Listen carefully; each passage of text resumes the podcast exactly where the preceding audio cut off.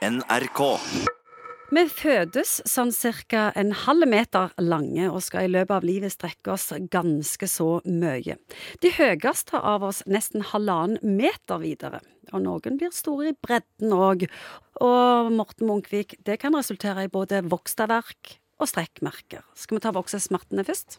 Ja, det kan vi jo gjøre. Hva er det for noe? Eh, Ja, det er jo eh, smerter, ikke i ledd, men i knoklene mer. Og eh, man har jo ikke noe sånn spesielt eh, Det er ingen prøver man kan ta som sier at ja, det du kjenner på nå, er at beinene dine og knoklene dine blir lengre og vokser.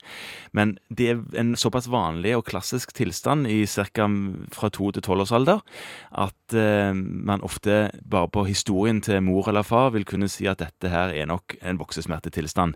Siden han har vondt i eh, leggene når han har lagt seg om kvelden, så er det ofte det. ikke sant? De fungerer jo helt greit. De kan spille fotball, og de kan gå på trening, og de kan leke i barnehagen, og de kan gjøre hva som helst, men det er bare smerter. Er det de som vokser fort som får det, eller er det bare jevnt fordelt? Det er nok jevnt eh, fordelt, men det kommer i de fasene hvor man har en vekstfase. Og ofte da på kveldene, og så varer det en halvtime til en time, og så er smertene borte igjen like fort som de kom.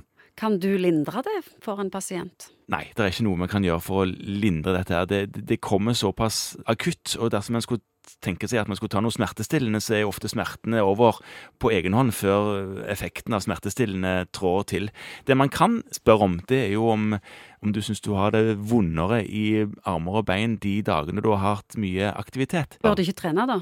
De bør iallfall eh, kanskje justere litt på treningsmengden. Hvis de trener veldig mye, så kanskje de kan gjøre litt mindre av det, eller trene alternativt som, på en måte som ikke trigger disse smertene like, like mye. Vokstaverk går heldigvis over.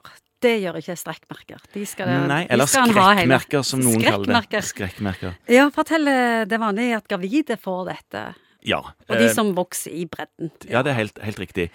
Gravide, klassisk, de får da strekkmerker over magen når den vokser i forbindelse med graviditeten. Da er det underhuden som på en måte blir strukket såpass at den revner på et vis. De elastiske fibrene som er i underhuden, de ødelegges og strekkes såpass at de mister elastisiteten sin, og den gjenvinnes ikke. Sånn at når da graviditeten er over og magen klapper mer sammen igjen, så vil du se disse strekkmerkene selv om magen ikke lenger er strukket. Er det noe en kan gjøre for å forebygge dette, eller er det genetisk hvem som får det?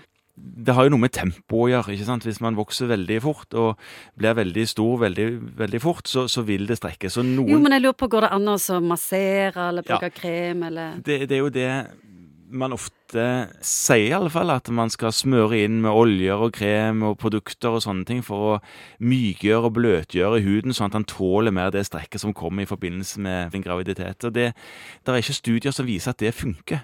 Jeg googla strekkmerker, og de kommer i eh, skrekkelig mange utgaver og er voldsomme til tider. Ja. Og det går ikke an å få de vekk etterpå heller.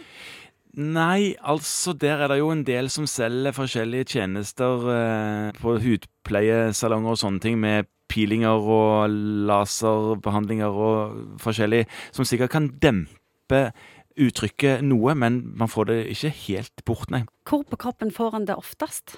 Du var jo inne på at graviditeten er jo ofte forbundet med dette her. Og så er det over hofter er jo et klassisk sted for kvinner som vokser mer over hoftepartiet enn menn gjør i forbindelse med vekstspurten i puberteten. Og så er det jo de som trener masse, og særlig de som trener masse og jukser med den treningen og bruker anabole steroider f.eks., som gjør at man vokser veldig fort. De vil kunne få strekkmerker over de musklene som blir veldig bulkete veldig fort. Det er en mager trøst at det eneste vi kan si, at det er ikke farlig. Det er nok en mager trøst, ja. Det er nok det, dessverre. NRK.